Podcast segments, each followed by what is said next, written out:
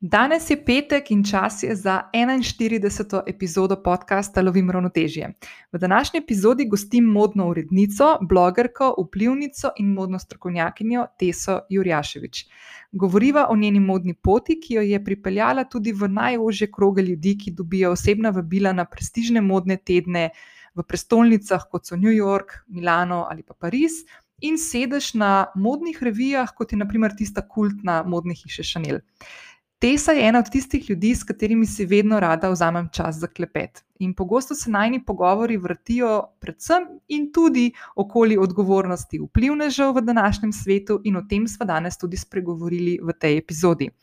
V današnjem pogovoru ti bo Tesa razkrila tudi nekaj svojih skrivnosti in pogledov na svet mode, kako sodeluje z največjimi modnimi hišami in blagovnimi znamkami, ter kako svojo predanost do trajnostnega načina življenja upleta v svoj vsakdan. Mimo grede, v pogovoru ti bo Tesa povedala tudi, koliko oblačil je v njeni omari, in jaz ti lahko povem že kar zdaj, da boš verjetno presenečena nad tem odgovorom, in kje kupuje svoje obleke, nekaj takih skritih spletnih strani, za katere tudi jaz nisem vedela. Preden pa skočiva v pogovor uh, s Teso, te vabim, da če še nisi prijavljena na podcast Lovim ravnotežje, to storiš lahko zdaj prek aplikacije, na kateri ga trenutno poslušaš. Vesela sem tudi oceni mnen, ki mi jih lahko pustiš na podcast aplikaciji ali pa se mi oglasiš v zasebno sporočilo. Najraje to vidim na Instagramu, ker me boš tam najhitreje tudi ujela. S prijavo oddajo ocene in mnenja na aplikaciji, pri kateri poslušaš podcast, pomagaš, da zanj slišijo tudi tebi podobne ženske. In kot vedno, te v opisu te epizode čaka tudi povezavo do zapisa, ki je pripravljen za to epizodo in v katerega sem ujela nekaj stvari, ki smo jih danes teso omenili v pogovoru. Našla boš tudi vse povezave, ki lahko teso ujameš, jo poslediš ali pa spremljaš še naprej.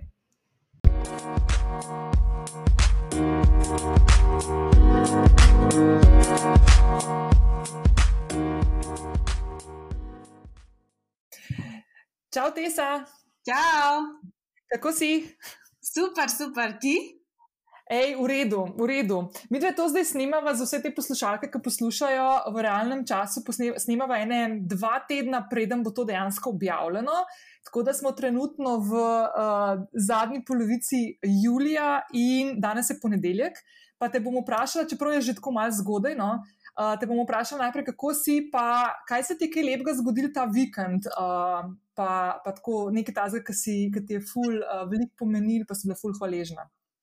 Uh, ja, uh, jaz sem super. Uh, tako, uh, sicer ponedeljkovo, ampak se mi zdi tako poletno ponedeljkovo, tako da ni, uh, ni tako uh, tak hud ponedeljek, no, kako bi ti mu rekla. Um, drugač pa ta vikend je bil full fine, no, za me je bil tako familiarno obarvan, malo praznovanja.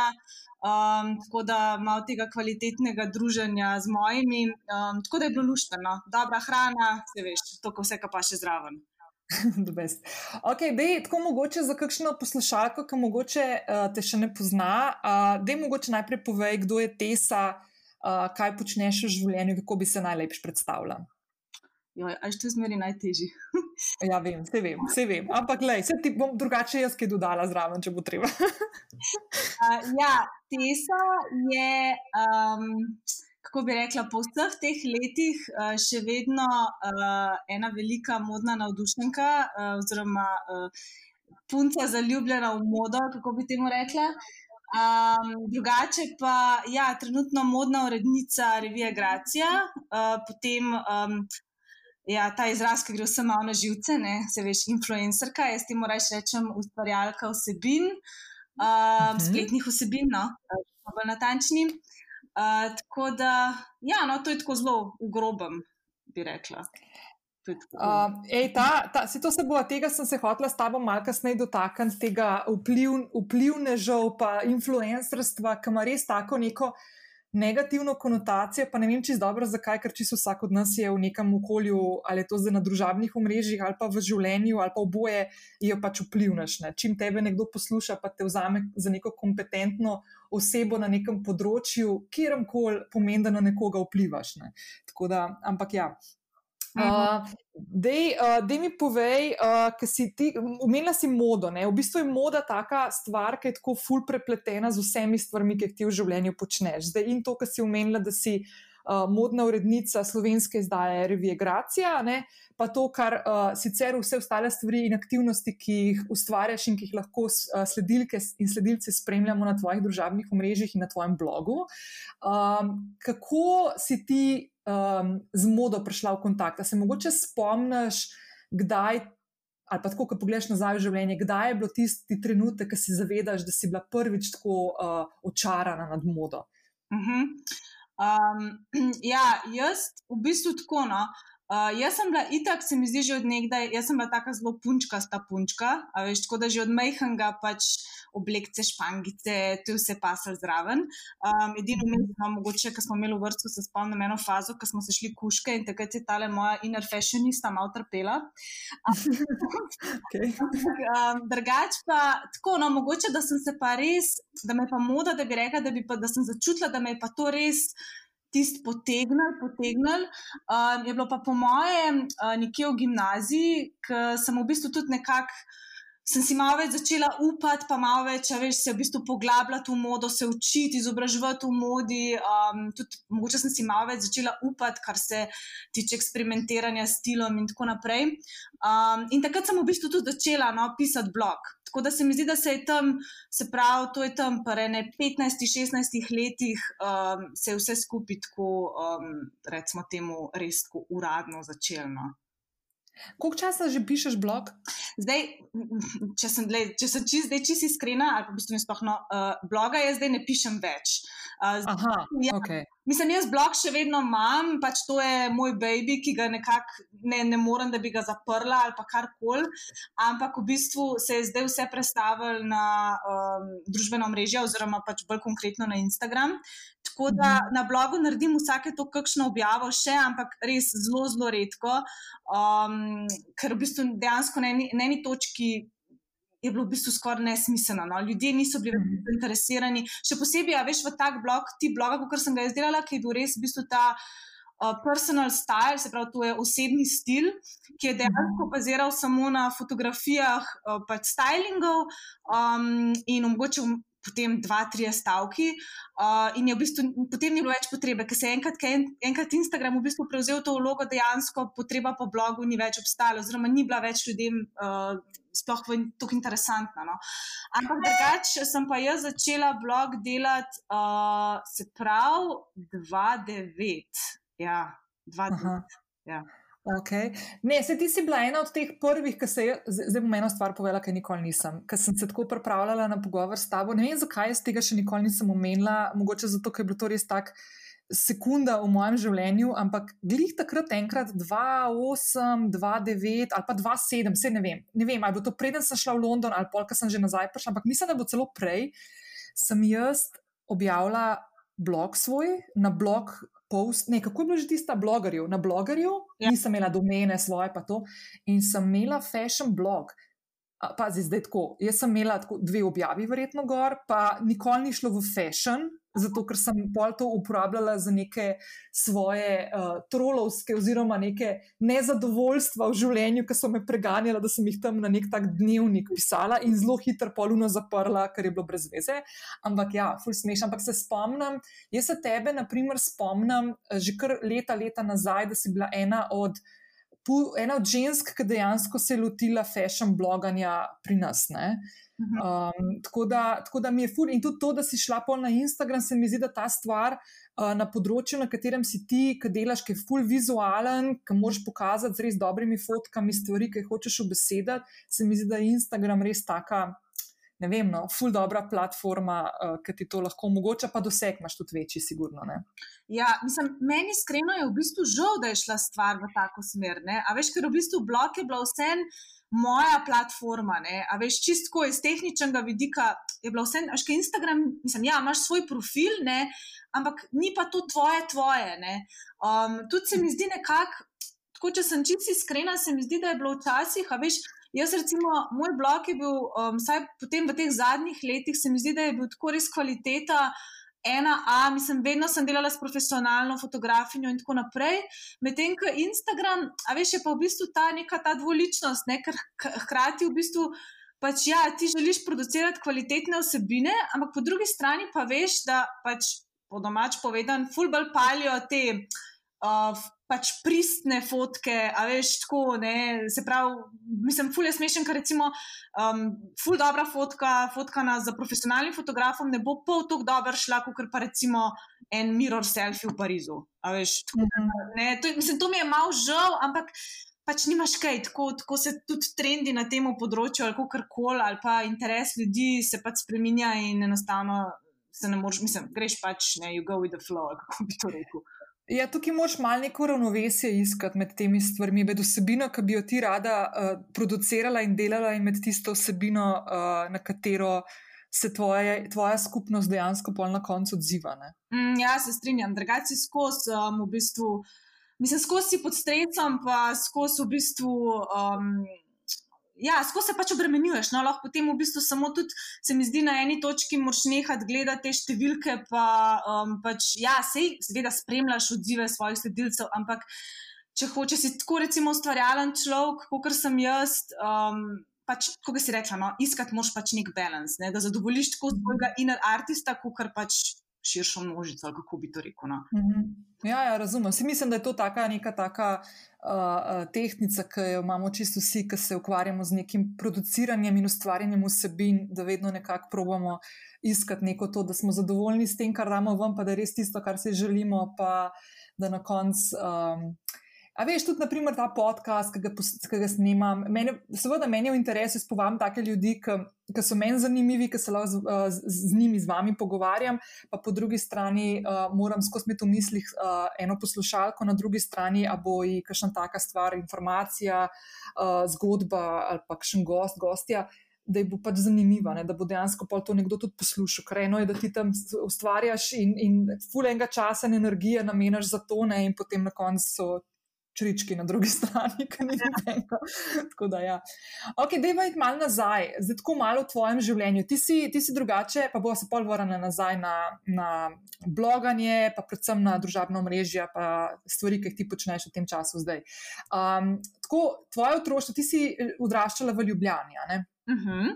ja. ja. Ok, in si tudi kaj si še ti študirati? Pa zakaj si se za to odločila? Ja, jaz sem šla študirati, jaz sem študirala se prav na FDV-ju, tržno komuniciranje in odnosi z javnostmi. Um, in um, čist iskreno povedano, to, ker nisem imela pojma, kaj ne grem študirati.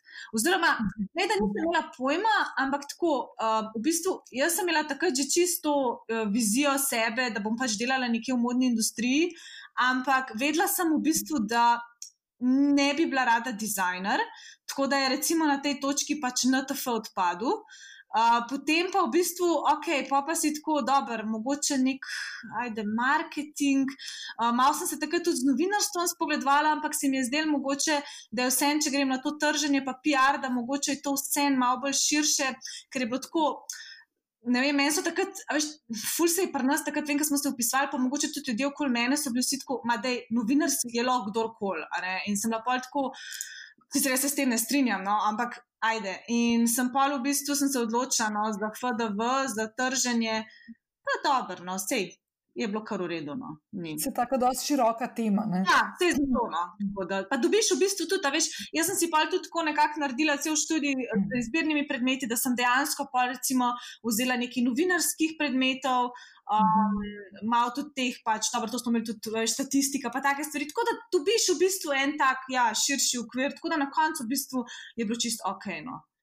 Ja, na koncu imaš možnost malo zakorakati. Jaz sem šla tudi na, na isto, čeprav takrat, ko sem šla jaz, ko sem bila par let pred tabo, uh, se je imenovala um, komunikologija, trženje in tržno. Ja, ni bilo še odnosi z javnostmi zraven, uh -huh. čeprav sem imela ta predmet.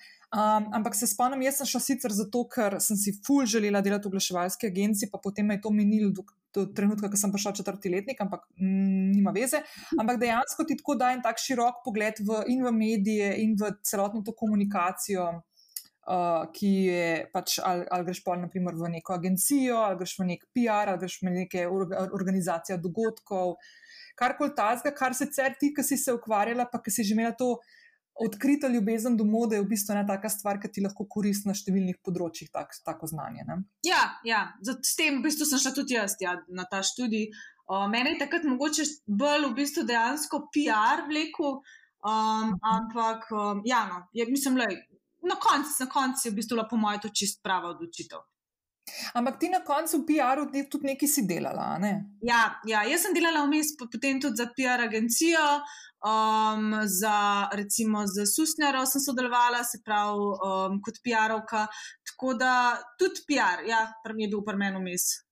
No, zdaj, ful zanimiva stvar, poleg tega, da imamo ta PR malo skupaj, je to, da, uh, eh, kar si omenila, Susnaro, to je od Nine Šušnjare, uh, blagovna znamka. Uh mhm. -huh. Mimo grede, zdaj, ko se pogovarjava, jaz uh, sedim v moji domači pisarni, ki je bila nekoč uh, omara od Nine Šušnjare, ker je ona predtem živela v tem stanovanju in mi tudi uh, povedala, ko sem se selila, da obstaja to stanovanje. tako da, tako da, jaz, sem, jaz sem si iz njene omare naredila uh, pisarno, uh, ker nimam toliko oblek tek, ki jih manjina. No, tako da, ja, tako da evo, še, ta, še ta detajl, ki je tako malo smešen. Ker se vedno, vedno ko pomislim na njo, se spomnim, uh, se spomnim na ta trenutek.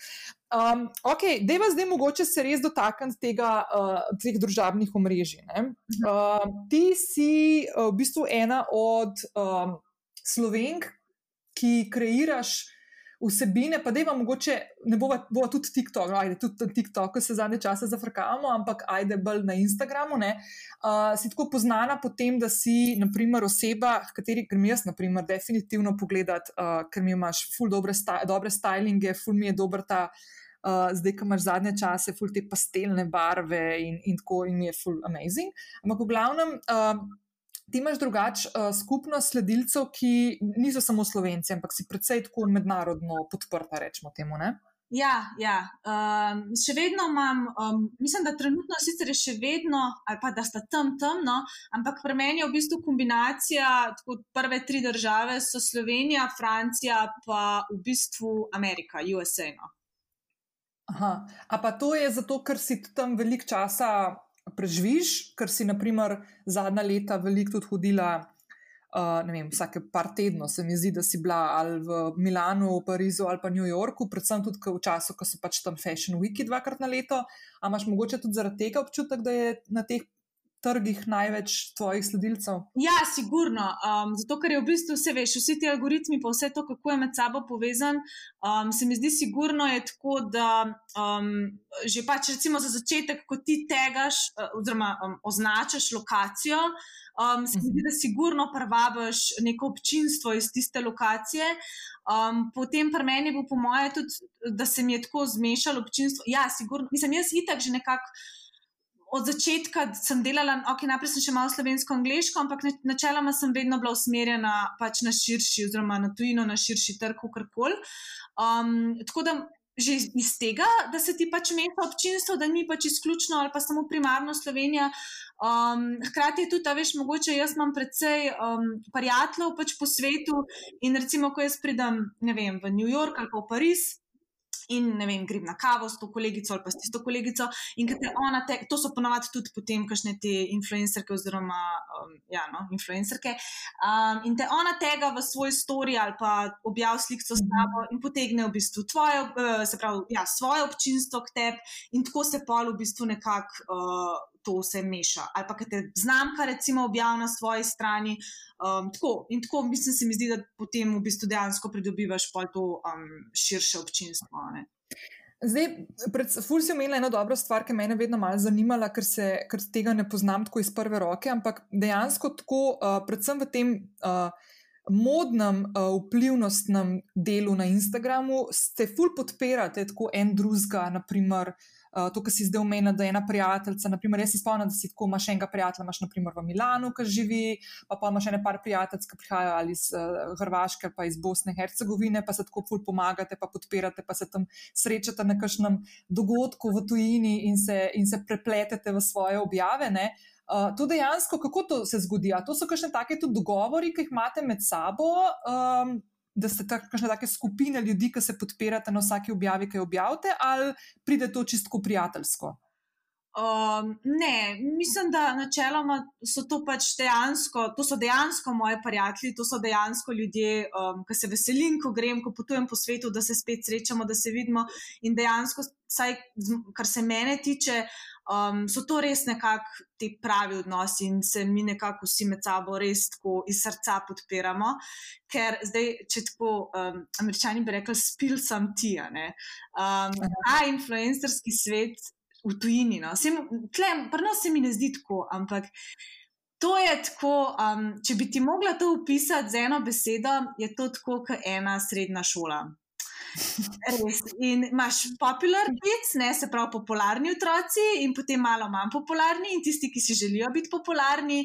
Um, tako da um, to je, to je, joj, to, mislim, meni je tako, jaz, jaz sem to sreča nekako ker jaz sem še vedno zraven, jaz nisem samo pač influencerka, ampak v bistvu dejansko tudi modna urednica, počnem še druge stvari v življenju. Um, tako da ni to meni zdaj res čista primarna zadeva. Um, in sem zelo vesela, da ni to, ker jaz, ki to gledaš od ozunji, to je, mislim, to je smešno. No. Vse vsake tok mal tudi se prelije skozi kakšne medijske objave, kakšne, kakšne te fajti, ki jih imajo. Zdaj v zadnjem času, naprimer, je bila ful um, je bila ful tista zgodba uh, od tiste Meghan Markle prijateljice, ki je imela eno rasistično debato z eno črnsko-kanadsko vplivnico, se mi zdi. In je dejansko pol zaradi tega izgubila vse svoje jobe, in posledično zgleda tudi prijateljstvo z Meghan Markle. Uh, tako da, ja, te stvari se fully odvijajo. Jaz mislim, jaz tega tudi nisem zasledila pri nas, naprimer, če si iskreno, no, tako kot sem, ne, uh, tako kot spremljam. Ampak ja, Um, ok, da mi povej, um, kje so tiste ključne, ključne stvari, ki naprimer, jih ti vključuješ na svojo pojavnost na Instagramu. Kako koli pogledava, čeprav je to tako um, en, ena, stvar, ena od stvari, ki jo počneš, in ne edina stvar, se pravi, da vodiš neko. Neko komunity svoj na, na Instagramu, katere so tiste ključne stvari, ki jih ti želiš objavljati in ki so tebi pomembne? Uh, jaz v bistvu mogoče taka osnovna stvar, ki si želim, je, da ljudje skozi moje osebine v bistvu začutijo um, mojo estetiko.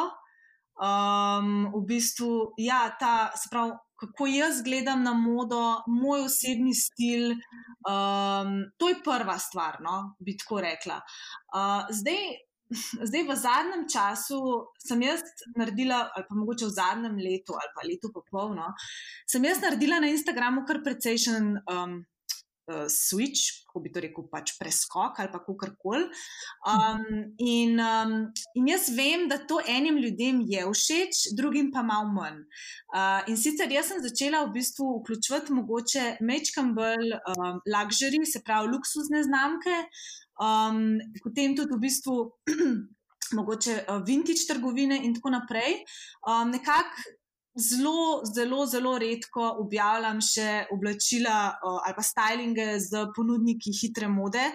Um, enostavno zato, ker uh, mislim, da zdaj. Pa si ne moramo več zatiskati oči in uh, se skrivati pred tem, ampak dejansko uh, pač dejstvo je, da modna industrija je drugi največji onesnaževalec na svetu in k temu precej, precej prispevajo pač ti ponudniki hitre mode. In mhm. um, nekako jaz, jaz si v bistvu želim, da bi v bistvu skozi svoje vsebine um, mogoče mečkan. Um, Ja, izobrazila svoje sledilke, ali pa hkrati mogoče bolj inspirirala svoje sledilke um, v smislu, da pač jaz bi si želel, mislim, moja, moja, kaj je moja vizija ali pa moja ideologija, ki si jaz um, tudi želim, da bi se v bistvu to nekako razvedali pa razširili, je, da dejansko mi ne rabimo za začetek. Uh, Tok stvari doma, da se da v bistvu dobre stylinge delati, uh, oziroma da bi bil dobro oblečen, uh, z polovico, po moje, omare, ki jo imamo vse trenutno doma, in da je veliko bolj smiselno investirati v take full dobre um, um, joj, jaz malo angliško, veš, uh, statement, kako rekel. Se pravi, te okay. udarne modne kose. In uh mhm. -huh. je boljš v bistvu imeti manjšo omaro, manj teh, uh, manj, manj stvari, ampak te stvari pa res dobre. In v bistvu, da tudi, um, ja, jaz vem, a ne pač mogoče to je stvar, ki bi jo tle podarila, da se tudi, pač, tudi moje sledilke, ki mogoče tega ne vejo, ne, Um, jaz ne kupujem oblačil. Jaz v bistvu uh, v zadnjem, jaz sem po mojem v zadnjem letu ali pa v zadnje pol leta, da sem si kupila dve stvari, pa še to sta bile dve, dva vintage uh, sukniča. Um, imam ta privilegij, seveda, da sodelujem z znamkami in mi pač pošiljajo um, določene stvari, ampak velikrat pa jaz sodelujem tudi z showroomi, se pravi, showroomi iz Pariza, showroomi iz um, Skandinavije, ki mi v bistvu pošiljajo samo modne kose za pofotkati in jaz pa te stvari vračam. Tako da jaz dejansko, po moje, če bi kdo prišel k meni domov in bi videl, kako me je veliko umaro, bi bil verjeten presenečen. No? In, um, in ja, in v bistvu s tem, ko delim mogoče te um, dražje kose, bi si pač želela, da mogoče neko punce, ženske, moje sledilke vidijo te objave. No, so tako, aha, ok, ne. Ja, mogoče ta rekelc je res malo dražji, ampak je pa kvaliteta tega sukniča toliko boljša, tudi mogoče bo pač cela, cel moj video, cela moja kombinacija bo izgledala veliko bolj. Um, Bolj dodelan, bolj, ne vem, klesi, bolj šik, kako koli. Um, in hkrati mi bo seveda ta suknič držal tudi, uh, ne, vsaj 3-4 leta, v primerjavi recimo z Zarinjem in HND-ovim, ki pač vse vemo, da una ramena propadajo po vem, treh, treh nošenjih. Ne? Mhm. Um, in v bistvu tudi na koncu nekaj narediš to računico, jaz to skozi svoje, svoje prijatelje maltretiram. Ker sem tako, da je pomisel, koliko denarja recimo ti zapravaš v enem mestu uh, pri teh pač ponudnikih hitre mode. Pa pomisel, mm. če bi v bistvu ti um, vsta denar, ki ga vložiš v enem mestu v te stvari, ne, investirala v res en full dober moden kos. Ne. In nekako mhm. to bi si jaz želela, da bi mogoče začele ženske malo bolj na ta, na ta način razmišljati. No. Ej, a se ti spomniš, ker smo se mi dve enkrat, um, po mojem, lansko leto srečali na vhodu, pa po no. mojem, gliku Zaro. Ja. Gliku Zaro. In to je bilo, mislim, da je to konc lanskega poletja. Uh, in, sva, in sem ti tako rekla za eno svojo idejo, ki mimo grede je še nisem začela uh, furati, zato ker tudi jaz ful malo oblek kupujem, če si iskreno, uh, zadnje čase sploh, ki mi. Pa tudi ne da se mi, če si iskreno, pa dost imam vsega.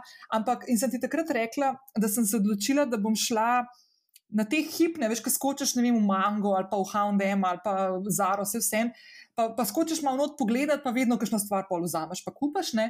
In sem si rekla, da bom naslednjič, da sem začela prav uh, paziti, ker bom videla eno stvar, pa bom pogledala ceno, koliko stane in bom ta denar, ki sem ga bila pripravljena za tako spontani nakup kupiti takrat v tistem trenutku. Dala denar na stran, in ko sem zbrala nek kupček denarja iz teh spontanih ne nakupov, ne, da bom to investirala v nek kos, ki bo mal bolj tak statement piece, kot si ti rekla. Ja. Uh, no, nisem še tam tesa, ampak se fulno gibam, skozi malo malih možganjih, ki bom, bom mogoče spet kaj šla kupovati, bom, bom dala to, to si zabeležko. Naprimer. Se mi zdi to fulno dobra stvar. To je zdaj, če zdaj um, malo omenjam, tako le, ker sem pred parimi. Par pogovorov nazaj sem gostila Ano Lazovski, moja prijateljica, ki je tudi podobna stvar kot ti, ki se mi zdi ful, ful, fajn. Uh, manj je več, ne, ne samo v obliki tega, koliko ti daš na sebe v, en, v enem stylingu, ampak tudi kaj imaš doma. Je ona isto povedala za make-up, naprimer, ne, da je pet uh, stvari, ki uh, jih imaš v svoji kozmetični torbici in je to čist dovolj. Tako da, če še nisi, draga poslušalka, poslušala tega pogovora, številka 38, skoč tja pa posluši, kjer je tistih pet make-up kosov, ki jih rab sodobna ženska in ne rabeš več kot to. Ne. Ja, se tudi. Mi smo pač res nekako zaplavali v to hardcore, ne, potrošniško družbo. In tudi, veš, meni je ta, veš, kaj pravijo, Ker tudi, ne vem, kaj se pojavlja, dobro, zdaj se je mogoče malo manj, ampak veš, meni je že to, kar pravijo, ne vem, ja, ženska gre, ima slab dan, pa gre v šoping, ne. A veš, ta ja. terapija, ne.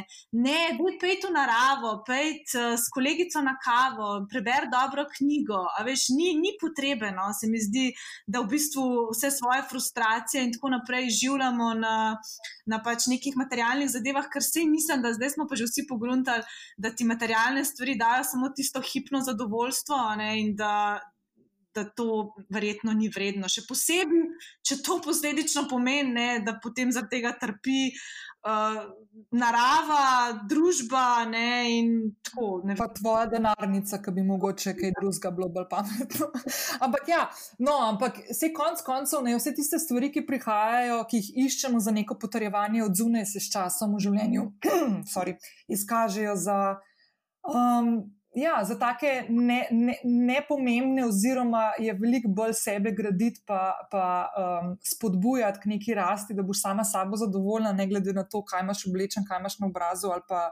Ne vem, koliko sledilcev imaš na Instagramu, vse vse, ne? ali pa koliko lajkov si dobila na zadnjo fotko na Instagramu.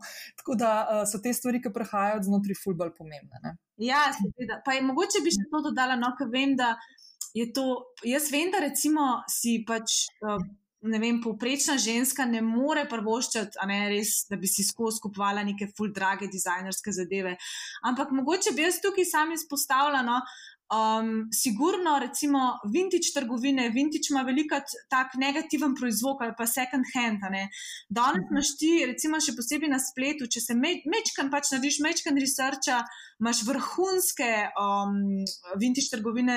Ne vem, če lahko eno spostavim, recimo, ker sem jaz čisto obsedena z njo, The Level Store. Jaz v bistvu dejansko, se pravi, zadnje poleta sem si kupila tam dva sukniča um, in mislim, res vrhunske stvari za obleči. Um, potem imaš tudi v bistvu vse te, um, recimo, tudi dizajnerske second-hand trgovine. Um, to je mogoče tudi en način, spet, da prvo, da si mečken bolj unikatno oblečen, hkrati pa tudi, ne, um, se pravi, no, da spet da malo dobrobit družbe, pa okolja, pa tako naprej. No. Ej, to je ful, uh, to je ful dobro, da si povedala uh, za tale uh, The Level Store, uh, ki pa bajdo je prvič slišan. Pa bom jaz to polinkala v zapis te epizode, ki ga vedno lahko najdete spodaj uh, v opisu. Uh, pa bomo dali še ta link, ki se danes pogovarjava, uh, da mogoče lahko tudi poslušalke, ki skočijo pogledati, pa mogoče ujamejo kakšen kos, ki ga drugače ne bi. Ne? Tako da, uh, tako da, ful dobro. Ej, te sem omenila že prej, tole, men, to je meni ful zanimivo, pa so se že veliko pogovarjali o tem. Uh, kako dobiš ti, naprimer, ko se, uh, naprimer, ko pride človek na tvoj Instagram, pa vidi uh, Šanelovo torbico, pa ne vem, imaš nek Šanelov styling, ali pa zdaj Šanel mi je najbolj tako, pa so še druge znamke, s katerimi sodeluješ. Ampak um, pa si rekel, da naprimer dobiš, pofotkaš in vrneš nazaj. Uh -huh. uh, da mi povej, kako je sploh prišlo do tega, da si ti stopila v kontakt, naprimer, z eno tako modno, prestižno modno blagovno znamko oziroma hišo, kot je Šanel in da z njimi sodeluješ? Uh, ja, um, zdaj tukaj gre v bistvu, kar se tiče Šanela samega. Um, zdaj, Šanel je tako, najprej mogoče da to razdelava. Um, se pravi, te, kar se tiče oblačil, pa tega, jaz ne, ne sodelujem direktno z Šanelom, zato ker so to vintage stvari, to je vintage Šanel. Um, delam za eno vintage trgovino um, iz Nemčije. Um, Máš pa potem Chanel Beauty, to je pa potem direktno Chanel. Aha, razumem. Chanel, Chanel. Uh, drugač, kar se tiče samega Chanela, no, um, to je ena, ful, mislim, lahko ti povem, da je tako fulušna zgodba, mislim, tako lušna, kako se je to vse skupaj začelo. Um, seveda, tukaj gre. Uh, primarno ključna zahvala Graci, um, da sem jaz v bistvu sploh prvič prišla v kontakt z uh, Chanelom. In to je v bistvu bilo tudi takrat, ko sem bila jaz prvič povabljena na revijo. Um, Modno revijo še ne. ne jaz sem ti to zgodbo že razlagala, pomaj, da... Ne, nisi, ampak nujno moraš to povedati. Ful bom vesel, če to povedala, ker mimo grede, drage poslušalke. Uh, Tesa je ena od, zdaj že kar nekih teh Šanelovih, ki so po mojem najbolj zaželeni dogodki na Fashion Weeku v Parizu. Uh, uh, si ti, si ti bila, imela možnost, da si bila tam. No, tako da, ne, to moraš, če lahko, lahko bom ful vesela, če to povedala. Mi pa še nisi povedala. Ja, ta, mislim, ta je res tako. Uh, ja, se pravi, to je bilo, uh, se pravi, mislim, da zdaj, kot tri, štiri leta nazaj, ko sem šla prvič. Uh, no, vsi nima tako veze. V glavnem, jaz sem takrat v Parizu. Uh, Pariz je tako, Pariški teden mode je najdaljši teden mode. Uh, se pravi, um, Pariz traja približno 7 do 10 dni. Um, tako da jaz sem bila v bistvu takrat tisto leto, tisto sezono, jaz nisem planirala biti na tednu mode, sem pa uh, bila v Parizu, zaradi tega, ker sem bila v bistvu na nekem prestripu uh, in sem bila v bistvu. Se pravi, mislim, da dan preden se je uradno začel Fashion Week, sem bila jaz že v Parizu in potem sta v bistvu s, tisto, s tistim brandom Gordon. Potem sem pa planirala v bistvu ustati samo še dva dodatna uh, dneva v mestu, zato ker sta prišla dva moja kolega, pa, da, pa, pa se pravi, ne tako Fashion Week, ajde mogoče bi šla na kakšno revijo, vmes, ampak se pravi, ni bilo to nič v planu. No, in. Um, Aha, pomembna informacija je pa ta, da um, se pravi, uh, Šanelova revija je pa vedno uh, se odvija na zadnji dan uh, tedna mode v Parizu. Aha. In jaz, uh, se pravi, tam v Parizu, mi, um, se pravi, tiste, tiste dva dneva sem bila še tam in sem res tako filmsko. Jaz sedim zjutraj spakirana, ker sem imela popoldne avion, jaz kufri pač tam v hotelu. Um, in mene kliče, mene neka francoska cifra, mislim, mislim da je pač neka tuja cifra. Ne? In um, jaz se nič hudega sluteč javim, ne? in pač na drugi strani ta moja Marin iz Šanela. In ona meni, ja, pač jo, ne, um, tukaj ta pa ta, kličem te iz Šanela um, in bi te radi povabili na modno revijo. Mene mislim, jaz pa se pravi, iz nule, ne, ne kap. Jaz, jaz v totalnem šoku, jaz sedim tam in jaz pitak. Ja, ne, ok. Čakaj, ampak ona je te poklicala, to si prvič z njo govorila. Ja, prvič, prvič, prvič. Dala je ona, uh, se pravi, um, naša špela, se pravi, od Gracije. Aha, prek Gracije, pol, ja, ja, ja štekam, štekam. In jaz se pravim, tam sedim na posli v totalnem šoku, ne, in jaz, ok, gremo na šanel, ne. Pa pa je prišlo za mano, ok, se pravi. Ti si zdaj tle v Parizu, avion imaš čez 4 ure nazaj v Ljubljano, uh, kaj zdaj narediti? In potem, valjda, totalna panika. Um, potem smo nekako to, mislim, za začetek, mogoče je treba povdariti, da v času Fashion Weeka je, recimo, kar se tiče hotelov, je Pariz razprodan. Pač takrat je.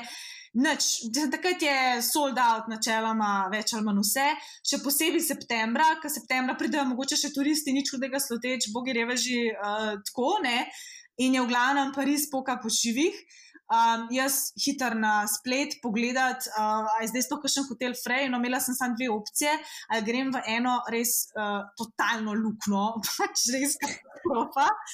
Druga opcija je bil pa hotel, ki je imel nočitev 2000 evrov na noč. Sem tako, okay, torej, da je, gremo v to luknjo. Um, tako da sem šla, um, pač pa zbukiram si ta hotel, potem je bila v mestu tudi kvazi z avioni, no pa smo to nameratali nekako, uh, pač, dobro, je še najmanj, ne da te karte te premečeš, oziroma pre, uh, Predstaviš? Ja. V glavnem sem pa, pa itak, ne, največja panika. Me bo to vse, ne se nekaj lahko spim, kjer čtele, ni panike. Kaj bom jaz oblekla? Kaj bom jaz oblekla? In to je bila pa, to je bila pa tako. In jaz sem imela, jaz sem bila potem v bistvu, veš, na mestu, da bi, jaz sem bila tudi tako, jaz sem bila spakirana za biti v Parizu tri dni, ne, jaz sem ostala pa deset dni pol v Parizu. V glavnem, nič. In potem je pa v bistvu. To pa se veš, včasih se, se nekako, oziroma ne včasih, ampak na koncu stvari zmeri nekako se obrne po klopku, kar koli, um, sta pravo energijo, sta pravi mindsetom in je v bistvu. To je potem ta moja prijateljica, ki je bila, je imela čisto slučajno eno oblekco, ki je bila v bistvu na koncu izkazala, v bistvu res za perfekt, perfekt, ne taka bela oblekca. Vse moje sledilke bojo vedle, po moje, ker jaz sem na to oblekco, po moje, tudi v življenju. Še danes me ljudje sprašujejo, iz kje je ta oblekca. Potem, hvala Bogu, da imam svoje konekšne in tako naprej, da sem se potem z Ljubutenom zmenila, da so mi posodili ene petke, ki so potem tudi v bistvu s tem stylingom popolno poklopile. No, pika na je bila pa potem še uh, urednica Iva iz žurnala, ki je v bistvu tudi prišla potem na to modno revijo, ki mi je pa prinesla eno svojo šanelovo torbico, direkt za revijo, tako da so me potem v bistvu vsi spimpali, oblekali in sem jaz pa lahko šla na ta šanel. Tresla sem se tako, da nisem res, to je bilo za me. Jaz, jaz pa moja pred svojo poroko nam tukaj žučna, ki bom prišla na to. In se tako, takrat sem se prav norca delala, vem, da sem tudi, mislim, da podobjavo napisala. Sem, jaz sem imela res tako tak. Mislim, jaz sem imela skoraj, kako bi rekla, svoj uh, prvi, mislim, ta poročni moment, samo da je bilo pač to še ne. Še ena oblekca je bila tako malo poročna, veš, kot mislim, tako da sem rekla, jaz sem to dala že čez. Tako da, noro, res le. Še... Ampak ful mi je tako dobro, taka, taka carry brečo iz uh, seksu mestu. Uh, kako greš ti, full spedena na, na Chanelovo zabav, uh, mislim, uh, fashion review uh, v Lobutenkah in vse te stvari, pa po, greš pogreš pa spat v en tak hotel. To mi je, tako, to mi je najbolj simpatičen del, bil zdaj, kako v bistvu ta realnost, da veš, kako je v bistvu. Um, Kaj vse se v zadju dogaja, te, te sočnosti, ki delajo v bistvu vse te stvari v življenju, če se jim dovoliš in prepustiš, ful zanimive in zabavne, tako kot si rekel, da se pol vedno, če dovoliš, stvari razpletajo, tako da se še pol leta, leta, ful lepo spominjaš takih. Ja, se stvari. Se to, ma se to je tako, veš, se jaz pač ta Instagram je res, pa to, kar mi dejansko pač seveda delimo, samo te najlepše, najboljše trenutke, ampak kaj se pa vse v zakulisju dogaja, kaj se na fashion weekih dogaja, mislim, to je pa itak, to je za knjigo včasih, mislim, to je za, za napisati za knjigo, no, res, mislim, tako da, evo. Ej, da mi povej, ti sodeluješ kar z neki blagovnimi znamkami, tako na redni, na redni ravni, ne, kaj, uh, mislim, da mi povej, kaj je mogoče tisto, kar uh, kar je najbolj pomembno, ko se naprimer, odločaš za neko sodelovanje. Ker verjetno dobiš kar nekaj povpraševanj, pa kdaj tudi ne rečeš nekomu. Um, na, na podlagi česga, če, česa se ti v bistvu odločaš najbolj, uh, s kom boš sodelovala, pa komu boš rekla prijazen ne? Ja, jaz um, bom rekla, da sem v bistvu v zadnjem času večkrat rečem ne kot ja. Uh, in um, v bistvu se pa, mislim, jaz sem v bistvu manj kar kar visoke kriterije, no, uh, glede na, mislim, za, za sodelovanje z znamkami. Uh, se pravi, ja, nekak, jaz moram čutiti znamko, čisto je tako, mogoče se malo to hecen sliš, ampak dejansko, ok, prvo kot prvo mora biti znamka v skladu z mojim osebnim stilom, um, z, uh, zato, ker se mi zdi, mislim, tako je. Uh, moje sledilke niso neumne. In, uh, in pa tudi jaz se v bistvu bi zelo slabo počutila, da bi promovirala nekaj, kar nisem stoprocentno jaz. Ker se mi zdi, da potem tako izgubiš neko zaupanje svojih sledilcev, tudi neko avtentičnost, tudi samega sebe, konc koncev. Tako da to mi je v bistvu najbolj pomembna zadeva. In jaz tudi. To, mogoče se bo to malo smešno slišalo, ampak jaz takoj Jaz takoj vem, ne, ko me pač kontaktira nek brand in če jaz, ki si malo pogledam, kakšne stvari imajo, pa kaj je mogoče njihova um, vizija, pa tudi zdaj trenutno mi je res pač pomembno, da se znamka, tudi če niso stoprocentno trajnostni, pa tako naprej, ampak saj da mogoče se trudijo v tej smeri, ne, da je pač to njihova dolgoročna vizija, da ti že zdaj znajo, da je to pa to, pa to smo spremenili v tej smeri, do leta, la la la, bomo pa še to, pa tako. Um, recimo ta vidik mi je trenutno tudi precej pomemben. Ampak jaz takoj vem, ne, če se jaz, ko napišem nazaj tisti mail, ne, ja, super, bomo sodelovali, če se jaz ne počutim stoprocentno dobro, če mene začne ta zadeva, veš, kako malo v zadnji žret, pa da vem, da to ni, da jaz stoprocentno ne stojim za tem, potem rajš rečem ne. Mhm. Ne, se to je to. Če ti, ko, ko ti enkrat veš, kaj je tisto, kaj želiš in če se si ne želiš, potem te stvari lahko zelo hitro začutiš. Uh, že v bistvu v prvem stiku z nekim e-mailom, ki ga dobiš s popraševanjem. To, to je, se mi zdi, tako ful dobra stvar. Ker se spet vrnemo nazaj na to, kako pomembno je, da si vzameš čas in dejansko ugotoviš, kdo si, česa si želiš, kaj želiš delati, kaj je tisto, kar ne želiš, tudi pomembno, ne, ne samo tisto, kaj želiš. Tako da, absolutno. In zdaj veš kaj, zdaj smo se dotaknili teme, ki smo mogoče že malo na začetku začeli o, teh, o tej slabi konotaciji vplivnostnega marketinga oziroma influencerstva. Uh mhm. -huh. Je tukaj ful dobra stvar, ki si omenila, je ta, da uh, si nekako odgovorna uh, pri svojih vrednotah, ki jih prenašaš naprej tudi skozi svoje objave svojim sledilkam, ki ne samo, da niso neumne in da bi hitro videle kakšno tako stvar, ki gre kontra tem, kaj ti že drugače govoriš, ampak konc koncev gre tudi za to, da uh, tista, a veš. Ki pravijo uh, avtentičnost, ki je še ena taka beseda, ki meni gre kar malce cine gor. Ne? Mhm. Ampak dejansko avtentičnost, avtentičnost ujameš takrat, ko slediš svojim vrednotam in svoji tisti poti, ki si jo začrtal. Ne? Ne, ne s tem, ki prebereš kaj bi mogla narediti, da boš avtentična. Um, zdaj, um, ti si tle, kar se mene tiče, ki te jaz tudi spremljam, mi je full, full fine, zato ker vem, da se tudi v našem okolju ogromno enih blagovnih znamk na področju mode um, ukvarja tudi z vplivnostnim marketingom, se pravi, da kontaktirajo vplivne že v Sloveniji in jim ponujajo sodelovanja. Uh, ampak si ti, na primer, ena od tistih, ki opažam, da, uh, da se v določenih zgodbah ne pojavljaš. Ne? Uh -huh. um, in to je verjetno točno iz tega, kar si zdaj omenila, da nekako niso skladne stvari s tistim, kar ti želiš in uh, pričakuješ, oziroma želiš vključevati v svoje aktivnosti. Ne? Ja, tako je. Ja. Uh, veš, kako je ja, enostavno. Um, Veš, meni je mama že od nekdaj govorila. Ne? Uh, važno je, da se ti lahko na koncu dneva pogledaš v gledalo, oziroma da lahko mirno zaspiš. In um, tukaj potem v bistvu enostavno jaz ne odstopam. In um, mogoče bi si tudi želela, da bi pač na naši sceni določeni influencerji res mogoče včasih. Jaz vem, da je. Mislim, Moramo, pač vsem zdaj mislim, da je jasno, pač vse zadeve so plačene. Tukaj mi govorimo še posebej bolj ko je komercialna znamka, više so vsote, ponavadi. Se, mogoče to ni pravilo, ampak po mojih izkušnjah je to tako. Ne? In uh, ja, vsi moramo preživeti. Uh, jaz vem, da so visoki zneski pogosto zelo vabljivi. Ampak se pravim, to, kar si tudi ti omenila, in dolgoročno, jaz mislim, da je res smiselno, da ostajaš že samo v sebi in da pač rajš uh, določene priložnosti preskočiš, zavrneš, kako koli. Um, ker se mislim, jaz, jaz verjamem, da se ti to dolgoročno obrestuje. Uh, jaz tudi, in tudi po mojih izkušnjah, ker tudi jaz večkrat rečem uh, ne hvala in se prijazno zahvalim in zaželim vse dobro. Um, jaz tudi, ko se delujem, jaz vedno, vedno, ko se odločam za neko sodelovanje, imam vedno v mislih mojo um, sledilko, rečemo poprečno sledilko ali pa nek avatarček, ki ga imam v glavi ali pa poslušalko podcasta in razmišljam vedno, okay, kaj bo ona um, od tega sodelovanja, vsebin, ki bojo v sklopu tega sodelovanja zvedla, bo kakšno informacijo, ki se mi zdi, da bi služila prav v življenju ali pa pri delu, da bi je koristila.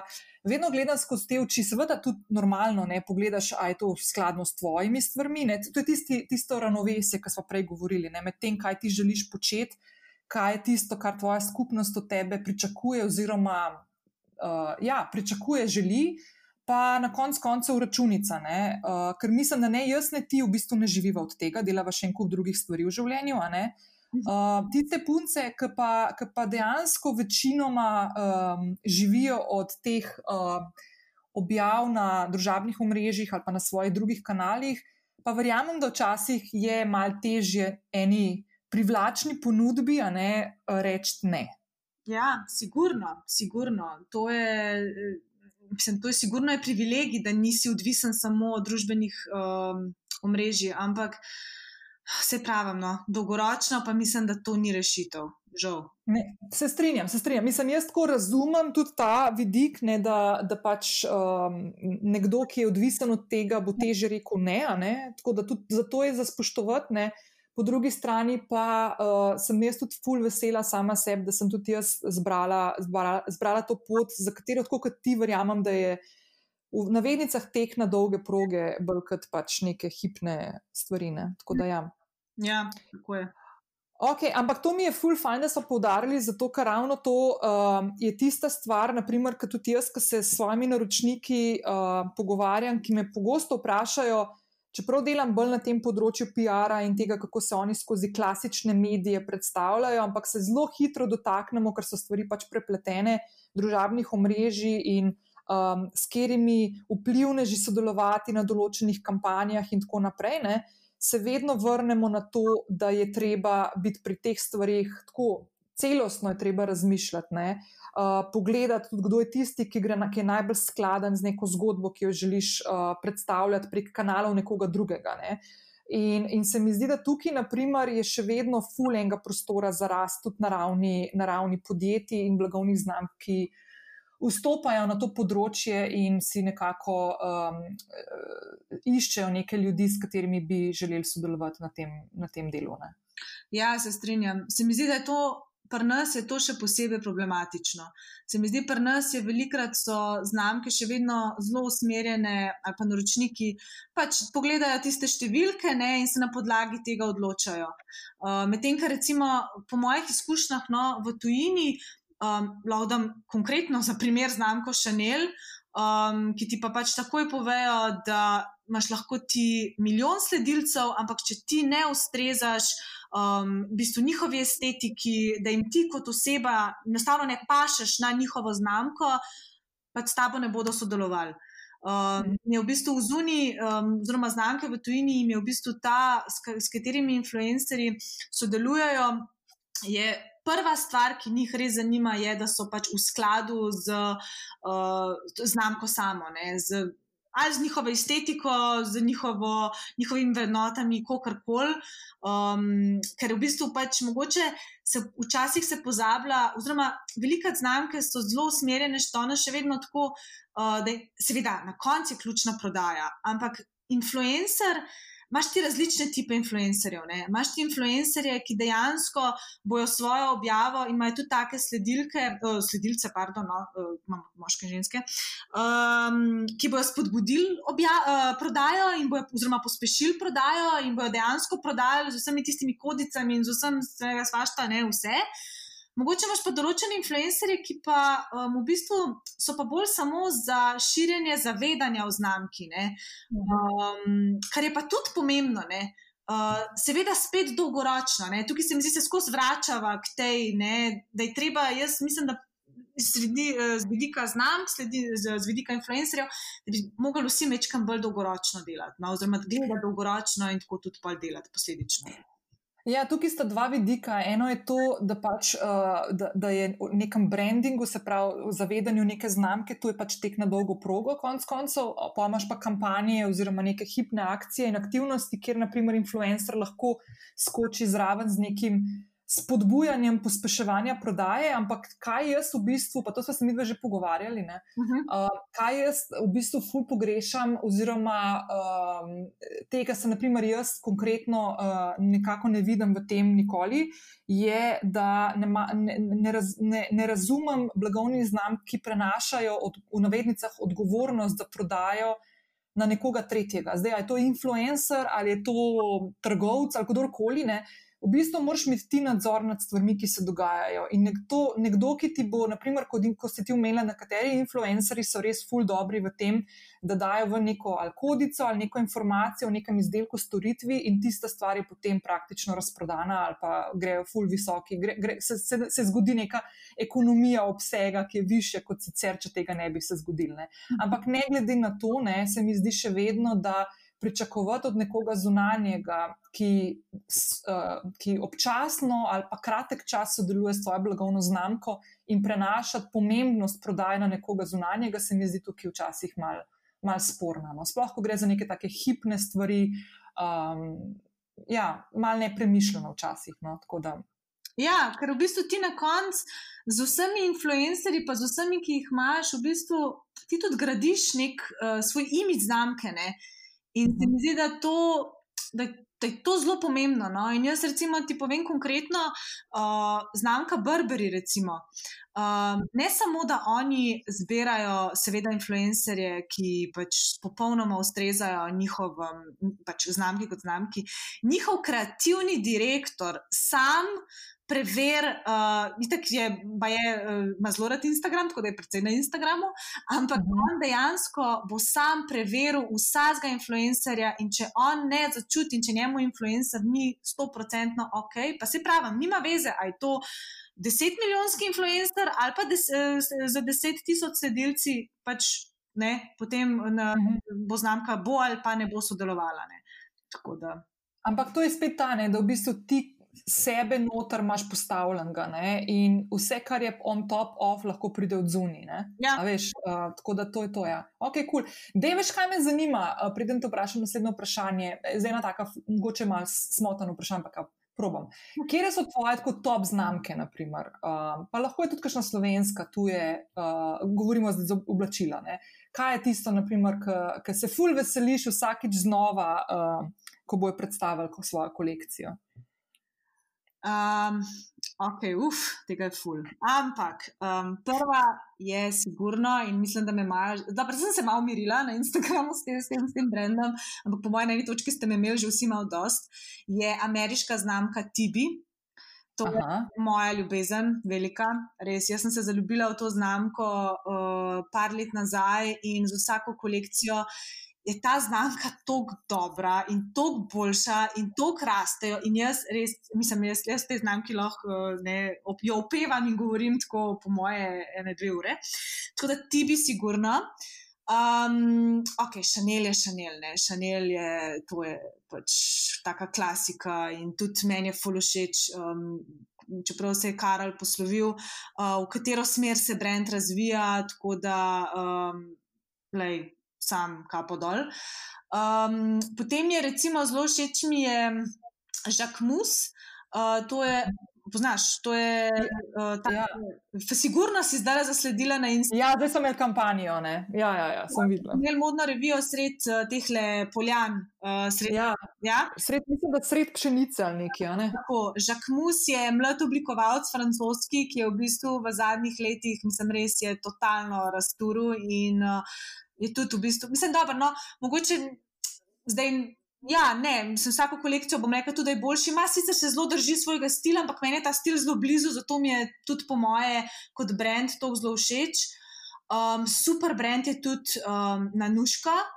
Uh, ali nanuška, nanuška, nanuška. Um, to je brand iz uh, Budimpešte, Um, vrhunska znamka, res, oni so tudi v bistvu naredili. To je, to je znamka, ki je v bistvu stara že, mislim, da okrog deset let, ampak so v zadnjih letih naredili totalen preskok, oziroma tudi v bistvu malo spremenili celotno um, estetiko uh, znamke in so res tako zrastali nenormalno. Uh, tukaj so imela, recimo, za njih so imela ogromen, uh, ogromen vpliv, um, zelo so jim pomagala lih družbena omrežja. Uh, tako da na njih. Oh, kaj še? Kaj pa kakšna slovenska? Od slovenskih, uh, mislim, seveda, Nina Šušnara mi je kot oblikovalka odnegdaj bila pač top, top, top. Um, všeč mi je tudi, recimo, Janja Videc. Um, se mi zdi, da imamo mi, no, um, predvsej, mislim, da slovenski trg ima, ima ogromno potencijala. Da, um, um, sem pa jaz iskreno priznam, da imam teh top mojih par tujih, sicer so razpršene po celem svetu, ampak so te res kot prva asociacija, no, kam me to vprašaš. Mm -hmm. Ne, ne, kul, cool, kul. Cool. Uh, veš, kje je meni tudi ful všeč. Uh, pa zdaj sem se spomnila, da smo se lani nekaj pogovarjali, da se bodo dobili Mila Vert. Uh -huh. Mi je še kul, cool. ja, ja. pa tudi tako trajnostna. Tako, tako da, ja, ampak tako kot si rekla, pa jaz nisem neka modna poznavalka, čeprav sem začela z bloganjem modnim. ne, ampak daleč od tega, da bi se tako imala, ampak vedno gledam tako na modo iz vidika prvič tudi uporabnosti, da je pač nek kos takega lahko nosiš, pa da je v zadnjem času sem šla tako ful, bi šla rada v te pastele pa to, ampak um, mi je v bistvu, um, ja, meni je všeč ali pa minino in meni so te stvari, ti si rekel, da si tako odraščala punčka sta. Ja. Uh, jaz, jaz sem bila čist kontra, ne? jaz pač nisem uh, v navednicah smela imeti mašenc, pa volančkov, pa čip, pa tega, zato ker uh, mojemu očetu to predvsem ni bilo fulu všeč, pa meni v bistvu tudi to ni blizu zaradi tega, ne vem, ali je to zaradi tega ali pa tako, bi se tako, tako, tako odvilno. Tako da meni so te taki. Uh, kosi, ki so, mogoče ta, ne vem, skandinavski uh, stil, ki je tako, uh, malo tako jasne linije, pa da ni nekih teh rožc pa tega. To, na primer, meni ne, ne, me ne potegne. No. Ampak ja. Ja, ja ti bi, le, ti bi za. Ja, ne, sej, jaz sem Bajdovej za ti bi izvedela zaradi tebe in tudi vem, da sem pred par leti, ko si prvič objavila, mislim, da si bila v New Yorku, ja. pa si bila v showroomu pri njih, pa sem šla pogledat, so imeli v bistvu tako, ja, so imeli že kar nek komunity na, na Instagramu, ampak zdaj so pa zrastali tako čisto noro in jih tudi tako vidim po kakšnih revijah, pa to, kaj, ali pa da je kakšen celebrity, da jih nos, kaj prej, naprimer, jih pa nisem poznala, dokler nisi objavljala. No, da, ja. Ja, veš, kako je pri tebi, pa, pa bo nehala, da jaz nam zdaj njim reklame delala. Ampak, pa komotlo, gledaj. Ne, ampak pri njih je res tako, da uh, v bistvu jaz, ok, vidim revijo uh, oziroma kolekcijo na modni pisti in wow, full dobro, ampak pa pridem pa tja v showroom in kad ti vidiš, pač oni res nenormalno veliko vlagajo v detajle in pa v multifunkcionalnost kosov. Tako da, kaj vse, recimo, ne vem, oni imajo en suknič ali pa eno obleko, ki se jo lahko recimo zaveže na tri različne načine, ki se odpne, pa se to, a veš, odstran, pa to doda. Mislim, tako, hkrati pa vse ohranja, tako to, kar si ti rekel, ki te pa valjda tudi meni izjemno blizu, ta nek minimalizem, čiste linije, se pravi, da je kos v bistvu res tako vse stranski in tako uporaben, in je res dejansko potem um, tudi meni smiselno investirati v tak kos. Ne? A veš, kakšne Mhm. dizajnerske stvari so ful lepe, pa super, ampak ti si tako, ja, fajn, zdaj si bom kupila to obleko, ki jo bom lahko oblekla dvakrat na let in ne, to je to. Ne? A Veš, Mhm. kad- zato tudi jaz v bistvu vedno iščem mogoče take znamke, ki so pač res tako funkcionalne in v katere je potem res smiselno uh, mogoče investirati malo več denarja. Mhm, cool. Okay, da mi povej, če bi se ti danes zjutraj zbudila tako čista, ne vem, ne, ne, ne bom neka nezadovoljna, ampak tako brez neke energije, motivacije in tako, in vedela bi, da bi mogla zelo ful biti nekaj kreativna. Naprimer, rečemo, da imaš fotkanje in se ti ne da in tako. Naprimer, bi se mogla v trenutku switchati, da najdeš nek navdih v življenju. Kaj, kaj bi naredila? Kaj, kje je tista stvar, kjer vedno se, se lahko na, tisto, na tisti vir osredotočaš in, um, in te vedno navdihne z nekim pozitivizmom, pa motivacijo, energijo. Hmm. Uf, ne vem, če imam kakšno tako hipno zadevo. No? Um, sicer bom tako rekla, recimo meni ena zadeva, ki je meni, uh, se to so se z vami že ful debatirale. Ampak, pa to bomo, zdaj se mogoče to že slišati tako malo klišejsko. Ne?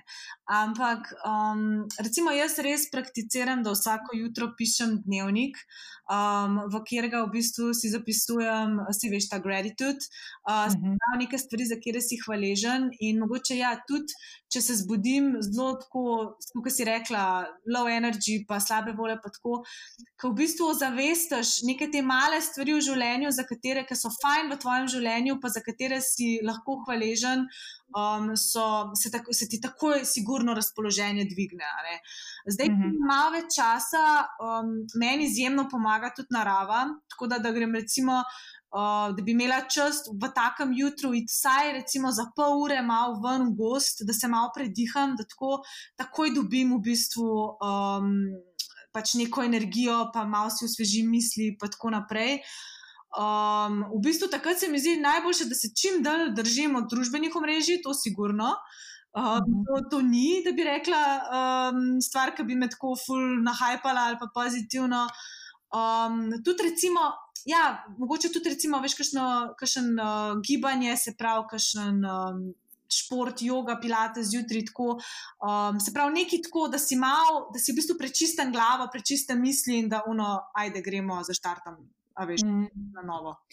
Ne, to je fuldo, pa bajdo je to ni klišejsko, ne, jaz res, tudi meni je bilo blazno uh, pred, ne vem, tremi leti, ko sem začela s tem pisanjem dnevnika, se mi zdelo, da je kar neki, pa to smo mulci bili, pa smo to delali, zakaj smo zdaj to delali, ne. Ja. Ampak dejansko je pisanje dnevnika, by the way, drage poslušalke, bom pustila spodaj v opisu te epizode uh, link do, uh, uh, do celega zapisa, bom dala noter tudi vodič, kako se lotiti pisanja dnevnika.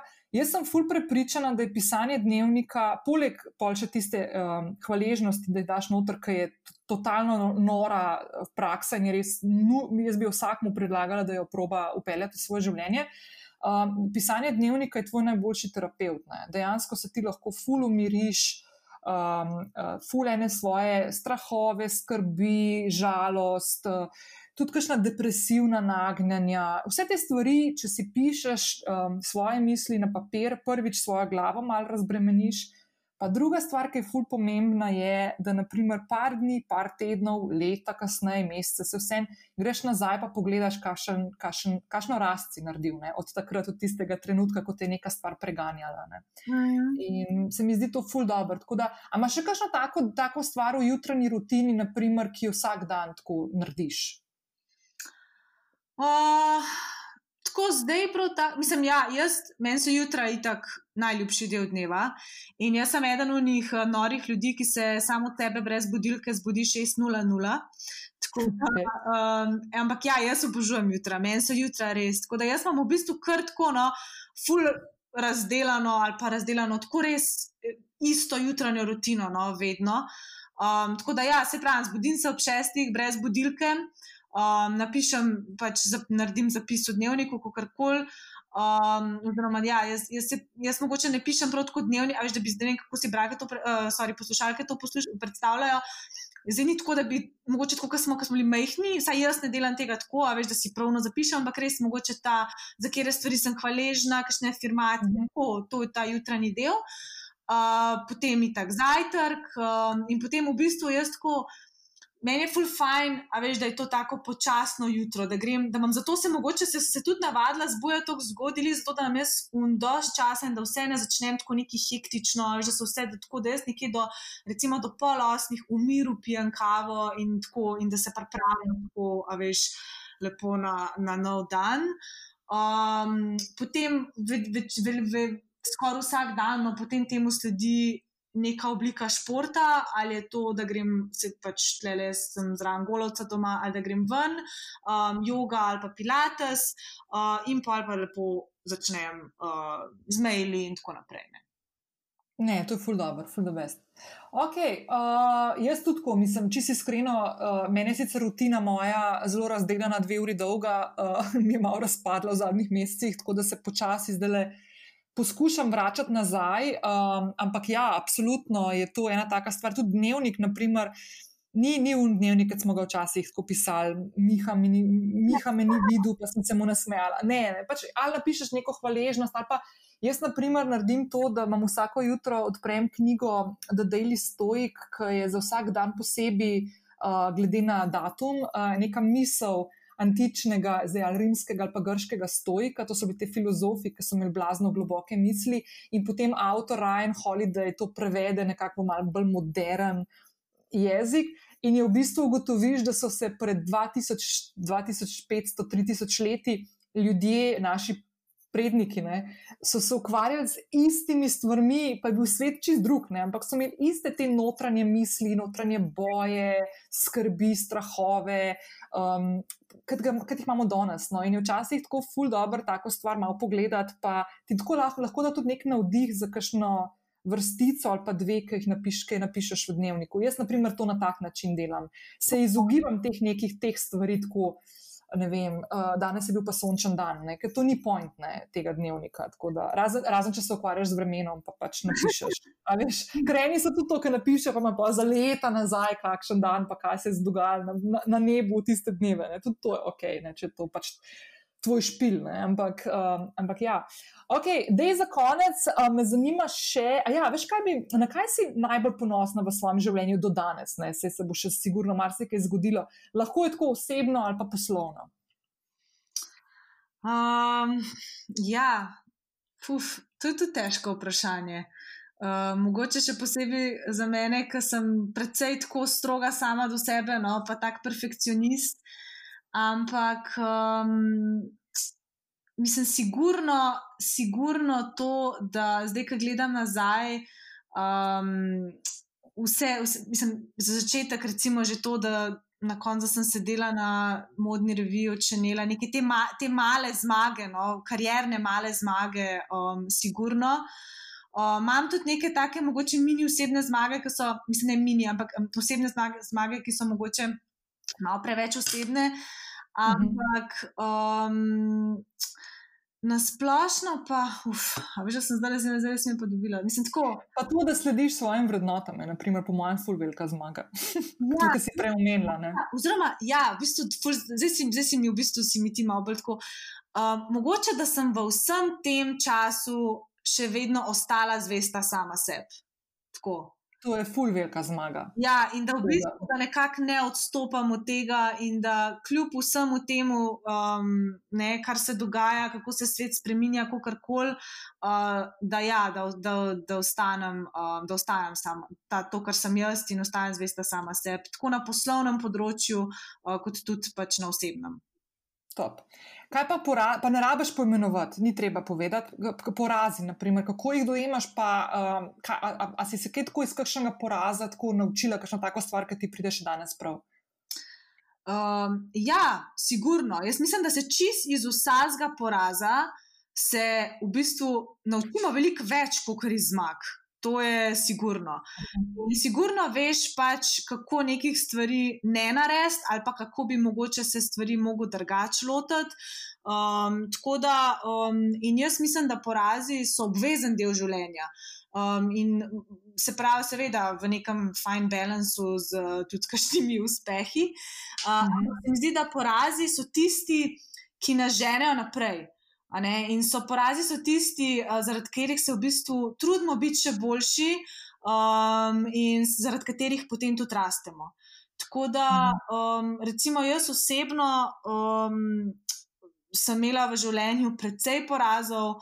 Um, tudi tako se mi zdi, ne vem, veš, imaš tudi na dnevni, na dnevni ravni se mogoče srečuješ z nekimi Mhm. uh porazi, ampak se mi zdi, da pač kar je ključno, je, kako se ti s tem porazom soočaš. A veš, kako in kako, kaj lahko potem ti iz tega tudi ven potegneš, da bo potem za naprej boljš in da boš, se pravi, kot sem rekla, potem lahko mogoče zrastu um, in se izboljšal zaradi tega. Ja, se mi zdi, da tudi to, kar naprimer, smo danes že parkrat omenili, kako pomembno je, da v življenju veš, kdo si, česa si želiš, česa si ne želiš. Uh, ti, te, te, ta spoznanja ti ful pomagajo pol tudi pri upra- upravljanju s porazi. ne. Ker pol v bistvu, ko enkrat ti zaupaš sam sebi, ko veš, da si na tisti poti, ki je tvoja in ki te izpolnjuje, potem je vse stvari ful lažje handlati. Mm.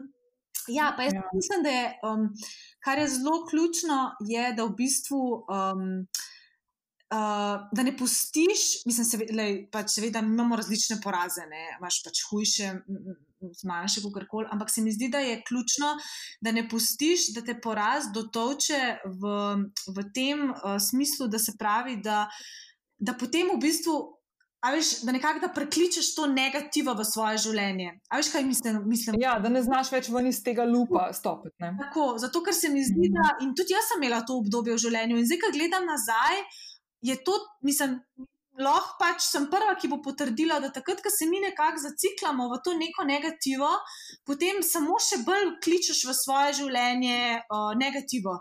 In potem lahko padeš v ta nek začaran krog, iz katerega se je v bistvu potem zelo veliko težko vam potegniti. Tako da se mi zdi, da je fajn, da ja, poraz doživiš, sprejmeš in gremo naprej. Ej, se strinjam, jaz sem leta, če ne desetletja, živela v, v konstantnem tem nekem uh, ciklu negativnem in pa se ti tudi dejansko dogajajo take stvari negativne, oziroma jih privlečeš na sebe. In ko se ti enkrat tak porast, ali zdaj na dnevni ravni, urni ravni, ali pa tedenski, mesečni, letni, se vsem. Spet, ful dobra praksa je pisanje dnevnika. To, tako da zdaj le malo narediva tako okrog. Tako da to ti res lahko ful pomaga pri upravljanju s tem. Ja. Ja, in Um, zbiranje te hvaležnosti, to je meni, recimo, se mi zdi. Jaz pa opažam, kak, kakšen, kako je to meni spremenilo življenje. No. Tudi, če se sam zvečer uležeš, pa si veš, pred, pred spanjem spomniš tri stvari, za katere si v življenju hvaležen. In tudi, če si imel najbolj slab dan in je to, mhm. to da imaš streho nad glavo, pa uh, dve nogi, pa dve roki, a veš, uh, ne pa to. a veš. Ne, to je zato, to, to je ful res. Pa, to lahko so tudi kakšne manjše stvari. Naprimer, jaz sem včeraj, jaz sem včeraj bila ful hvaležna, uh, da ni dežval, ki je, bil, ki je bila napoved, zato ker sem spet dala vso pohištvo nazaj na teraso in sem rekla, jo, pa ne sam za eno uro, upam, da ne bo dežval. Ne pa sem bila ful hvaležna, da sem pa lahko zvečer gledala naprimer, en film na terasi. Take stvari, lahko so neke take stvari, ki se dva dni kasneje ne boš več spomnil. Ampak dejansko gre bolj za to, da se osredotočaš v mislih na stvari, ki jih imaš v življenju, ne na tisto, kar nimaš. In tle se mi zdi, da ful lepo po- potegnemo nek tak zaključen krok s tem, kar so danes že govorili, oziroma si povedala ti, koliko je v bistvu pomembno tudi, to, tudi pri modi oziroma oblekah, ki jih imaš. Da, da, da se fokusiraš na tisto, kar imaš, ali pa da je včasih manj je več boljš, in da, da preprečiš to nenehno hlepenje in laufanje za stvarmi, ki jih nimaš, kar je sploh pri nakupovanju oblek, pa teh stvari, a ne, ful izrazito v naši družbi. Ne. Ja, ja, tako je. Ok, zdaj pa čisto za konec me še zanima, um, da je mogoče za kakšno sledilko uh, ali poslušalko. Uh, Predlagi kakšno top knjigo, film, podcast, serijo, kakšne take stvari, ki si jih ti gledala, ali pa, jih, ali pa se še vračaš k njim, zato ker so ti res to ta, ta carske, da, da bi absolutno to priporočala poslušalkam. Uh -huh, ok. Uh, podcast Nina Gaspari, to je to. Je to. Tako res vsaki to napiše, da pove, ful mi je da. Mislim, ful hvala, sem ful počaščena, da ne bo zdaj to tako zgledala, ampak, ampak ja, tako ful, ful dober. Okay. A Še, ka- daj še enega, daj, no, še kakšnega. Daj. Bom, bom, bom. Uh, drugač, ful je dober podcast uh, How to Fail um, with Elizabeth Day. Je, uh, ona ima različne zgodbe um, z pač, seveda uspešnimi ljudmi, ampak grejo, v bistvu se pa fokusirajo na vse poraze, ki so jih doživeli v življenju. Ampak v zelo dobrem smislu. No. Tako da ta je res meni, uh, mislim, tako, jaz, jaz sem se res, mislim, folk meni tako gledal, ampak jaz sem jih hodil po golovcu in se dobro sedel na glas, smajam, ko poslušam ta podcast. um, tako recimo, mogoče za punce, ki jih bolj moda zanima pa bi mogoče se rade malo bolj ta um, business side, uh, joj, uh, se pravi, uh, poslovni uh, del mode. Um, je zelo fajn, so um, The Business of Fashion ima svoje podcaste, uh, pač BOF podcast. Uh, uh -huh. Naš drug podcast je pa The Future of Fashion Business, kaj tudi ti, da sta res tako, pač se pravi, za vse res tako. To so zelo pač modne osebine in. Um, Od kako postoji, modne znamke delujejo. Tako, res, se pravi, za to. Um, kar se tiče uh, knjig, ja, meni je bila fulušna ta, ki sem jo tudi te priporočila, The Normal People, to, tam je zdaj ta zadnja, ki je bila tako v glavi. Potem sem pogledala tudi serijo in mi je bila res tako, sicer tako res uh, roller coaster teh emocij, uh, še posebej pri seriji. Sem pa recimo čisto iskrena, pa upam, da ne bojo zdaj jezne name, ampak zdaj sem pa prebrala še to drugo knjigo od te, kaj je na seli. Conversation with friends, ali nekaj. Ne? Sem se pa, sem se pa mislim, tam je bila pa res čismem. Tako da, ja, tako sem se grizla čez to knjigo, ampak jaz sem tako on človek, ki se nekaj lot pa hoče ne, prebrati.